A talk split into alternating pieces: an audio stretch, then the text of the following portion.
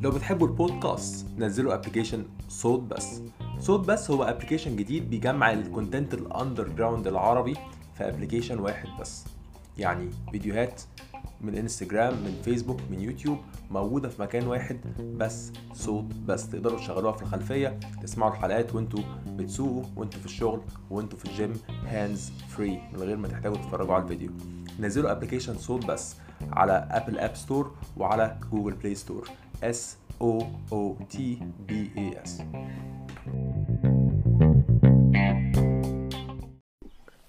إيه أنواع الشغل اللي بيجيب فلوس واللي ما بيجيبش فلوس. وتاخد إيه وما تاخدش إيه وتقرب من إيه وتبعد عن إيه؟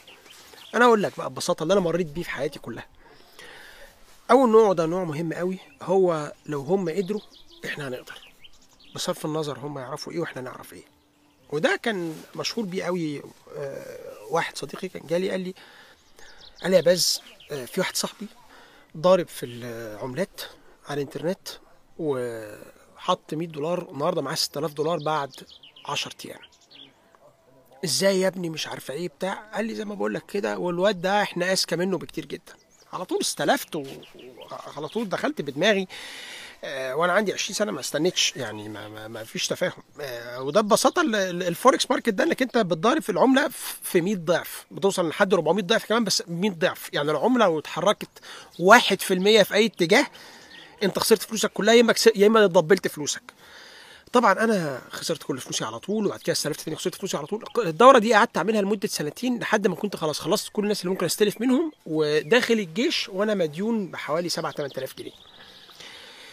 خرجت من الجيش بعد كده دخلت بقى في موضوع مهم قوي هي بقى مرحلة بقى الكفاح وده نوع الشغل المهم قوي واللي عادة بينجح. اللي هو في الآخر بتلاقي فيه الشغل اللي هو فلوسه قليلة بس شغالة وده اللي بتضطر ليه وبالذات لو أنت مزنوق. فاول شغلانة خلاص عرفت ألاقيها هي كانت واحد على الإنترنت كان عايز حد يترجم له من الإنجليزي للعربي آه، حاجة بتاع 400 صفحة. بصيت على السايت اللي أنا كنت فيه ساعتها لقيت الناس كلها بتدفع بقى 15 دولار في الساعة 20 دولار في الساعة ومش عارف إيه. والراجل ده قال لي آه، أنت بمؤهلاتك دي أنا هدفع لك دولار في الساعة. قلت له دولار؟ قال لي هو دولار. آه، مفيش بصيت حواليا لقيت كل الشغلانات التانية اللي ب 10 وب 20 و 25 الشغلانات دي أنا ما أعرفش أعملها. فكلت خرا واشتغلت اللي بدولار دي لحد لما لقيت شغل بعد كده. قدرت أسدد منها بقى جزء من الفلوس اللي كنت اشتغلتها دي واستلفتها من الناس ساعة الفوركس وكملت بعد كده بقى لحد ما لقيت شغل وبدأت رحلة الكفاح. دي سكة بتنفع بس لازم بتبدأ بدايه زي الخرا فلازم تعرف إن البداية بدايه زي الخرا فما تبعتليش تقول لي بقى أنا شغلتي زي الخرا إزاي أطير فوق. لا هي في سلالم في سلالم. النوع النوع الثالث وده نوع بقى مهم قوي هو المشاريع اللي بالملاحظة. وفي واحد صاحبي كان مشهور بيه قوي كان مثلا نبقى ماشيين مثلا في طريق صحراوي كده سايقين وبعدين عملوا طريق وادي النطرون الجديد ده فماشيين فيه. بعد ما مشينا فيه بالظبط 5 كيلو مفيش بنزينات. قال لي يا إحنا نعمل بنزينة هنا. ليه يا ابني؟ قال لي المنطقة دي يا باشا فيهاش بنزين. قلت له ابني أنت تعرف حتى لتر البنزين بكام؟ قال لي يا باشا إحنا نعمل بنزينة هنا اللي عملوا وكسبوا مش أحسن مننا. ده نوعية الملاحظة دي على طول دي لازم ده لازم تطبطب عليه وتقول له آه فعلا بس هنوصل بس آه، ناخد لنا غطسين كده في المية زي ما إحنا رايحين كده وإن شاء الله لما نرجع هناخد قرض وهنعمل بنزينة 80 90 95 و100 كمان لو عايز ما فيش ده لازم ده لازم ملوش حل تاني إن ده ما خلاص ما مش هتوصل مع الحاجة. في واحد زيه بالظبط كده كنا في حتة بنتفرج فيها في بلد هنا في أوروبا كده من سنتين قعدنا ندور على مطعم حلال مش عارف إيه ما لقيناش مطعم. قال لك إحنا نعمل مطعم حلال هنا. طب يا ابني ما- إحنا ما المنطقة دي أنا ما شفتش فيها واحد شيخ مثلا. المنطقة دي ما هياش مثلا قرية إسلامية وما فيهاش مطعم حلال. ما ممكن تكون دي كلها آه، كفار كفار مش بس مسيحيين كفار. آه، في ليه هنا مطعم قال لي الناس اللي زينا. قلت له أنت أنت شايف ناس زينا؟ انت شايف ناس شبهنا حوالينا؟ الناس العالم كلها بيض وشقر. أنا وأنت بس اللي كده في النص. فنوعية اللي هي اللي بالملاحظة دي ابعد عنها خالص دي خطر دي خطر وما تحاولش تمشي معاها في أي اتجاه خالص هتلبس هتلبس هتتفشخ. في نوع تاني بقى اسمه التوفيق التوفيق خلاص؟ وده كان جنب أول شغل خالص أنا اشتغلت فيه كنت أنا ساعتها عندي هواية كده وأنا طفل إن أنا كنت أنا مش طفل كنت في أول العشرينات برضو كنت بجمع طوابع أنا ما أبويا الله يمسيه بالخير اداني شوية طوابع ولا أنا كنت بهوى الطوابع وأنا صغير وكانت هواية ظريفة بتاع فمشيت على خطاه كده. وبعدين لقيت ان بيتباع شوية طوابع أونلاين وبتاع في eBay موقع كده بتاع بيعمل مزادات وطوابع. بيبيع حاجات كتير قوي مختلفة فقلت أشتري منه حاجات كده صغيرة سنة بسنة كده. لحد ما في مرة كده اشتريت لقيت حد بيبيع مجموعة كده على بعض كده طوابع مصري اللي كنت بجمعهم بيبيعهم على بعض كده. فاشتريتهم. وبعد كده لقيت منهم حاجات مكررة فرحت رجعت تاني حاولت أبيعها تاني على نفس الموقع. لقيتها في الآخر جبت فلوسي وأكتر وأنا أصلا أخدت. فابتديت أشوف بقى فعلا طب ال- السوق هنا في مصر طيب فيه إيه وهناك فيه إيه؟ الكلام ده كان سنة 2001 فلقيت فعلا إن الموضوع أنا بس أنا كان كل اللي كان معايا ساعتها كان 600 جنيه.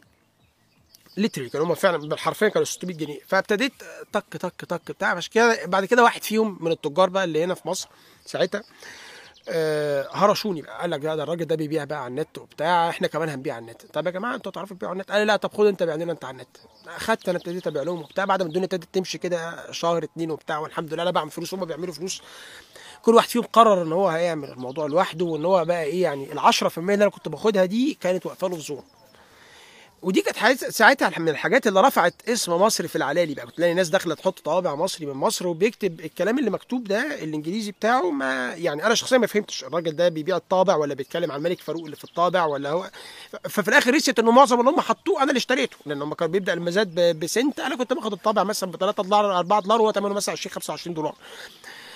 آه، فدي برضو إيه دي, دي بقى النوعية الأولانية. اللي هي بتاعت إيه؟ لو هو يقدر إحنا نقدر. من غير ما نبص خالص على طب هو عنده إيه وأنا عندي إيه مقدورات عاملة إزاي؟ لأ لكن هو باصص لك أنت في اللقمة أو طالما أنت تعرف تعمل حاجة هو يقدر يعملها على طول بصرف النظر عن أي حاجة. آه، النوعية الأخيرة بقى هي نوعية ال show... الشكل الهرمي والكلام ده ما فيش حاجة خالص بتوصل لها فجأة. فجأة. عايز أقول لك حاجة أنت عارف حتى الحرام كده؟ حتى الحرام كده. أنت شفت تمثيلية 100 وش؟ و Money Heist بتاعت آه، إسبانيا دي اللي راحوا سرقوا بتاع بتاعت ال 50 مليون دولار. العالم دي كلها بدأوا الحرام من أوله. و100 وش دي ناس بدأت الأول بدأت الراجل طلع الأتوبيس وابتدى يسرق الأول 5 جنيه في 10 جنيه يسرق محفظة لحد ما ربنا وفقه ابتدى يعرف يعمل الأكبر الأكبر الأكبر. فتجمعوا مجموعة مواهب قوية في السرقة والنصب عشان يعملوا عملية كبيرة. لكن مفيش واحد هيبتدي أول يوم خالص يقرر يدخل في الحرام إنه يدخل ياخد البنك المركزي. فأي حاجة لازم فيها لازم هتبدأ من المرحلة اللي أنا قلت لك عليها في الأول خالص اللي هي اللي أنا قلت لك الترجمة أبو الضرب في الساعة. دي هتبدأ أنت لازم أنت السكه من الخ... لازم تبدأ الخرا وتاكل خرا في الأول عشان تاكل بسبوسة في الآخر. مفيش شورت كات مفيش مفيش سلم كده زي لعبة السلم التعبان هيطلعك على طول لآخر البسبوسة. مفيش مفيش خالص. أنت عارف حتى القمار حتى القمار بقى مش كده. لأن القمار والله العظيم القمار آه، مع إنه فيه ضربات ومش عارف إيه وبتاع بس في الآخر نسبة واحد في المليار اللي بيكسب ده فلو أنت مختار فاكر إنك أنت ربنا هيختارك أنت عشان تبقى واحد من المليار طب آه، بناء على إيه برضه؟ بناء على إيه؟ عندك عندك يتامى مثلا فلازم ربنا يخليك تكسب ليه نصيب عشان تأكلهم أو في في- بناء على إيه الفكرة دي؟ آه، وبعدين يعني المهم أنا قلت لكم فعلا اللي أنا مريت بيه والنوعية اللي أنا بشوفها آه، لو في أي حاجة اتعرضت عليك وانت مش فاهم هي إيه؟ زي بتاعت العملات دي مثلا كده بالذات لو انت مش عارف حتى العملة دي بتزيد ليه وبتنزل وبتنزل ليه ما انتش فاهم كل انواع ال- ال- المضاربة في البورصة عاملة إزاي. عشان انت في الآخر تختار واحدة وتبقى متأكد ان هي التوليفة دي اللي هتنفعك يبقى ما تاخدش فيها. وعشان تبقى انت عندك فكرة بس 95% إحصائية عالمية اللي بيتاجروا بيتاجروا في البورصة وفي الفوركس. بورصة العملات بيخسروا.